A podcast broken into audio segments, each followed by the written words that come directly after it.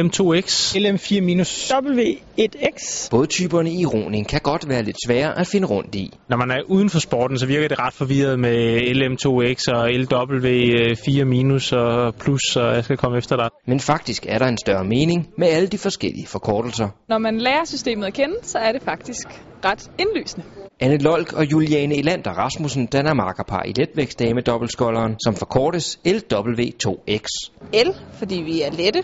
W, fordi vi er damer. 2, fordi vi er to. X, fordi vi rummer to år.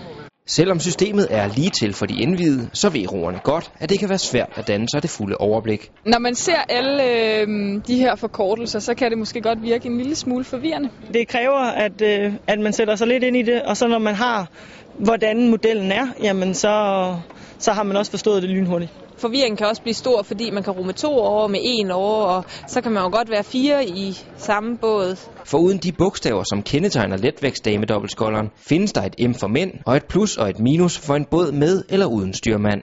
Roerne selv kender godt til alle kombinationerne. Det er ret Nej, nemt. det er ret nemt. Vi ved jo, hvad vi skal kigge efter. Indtil der kommer en engelsk journalist og spørger, som nogle af vores øh, landsholdskollegaer, vi skal til at huske, at bådene hedder på engelsk, så, så går det nogenlunde.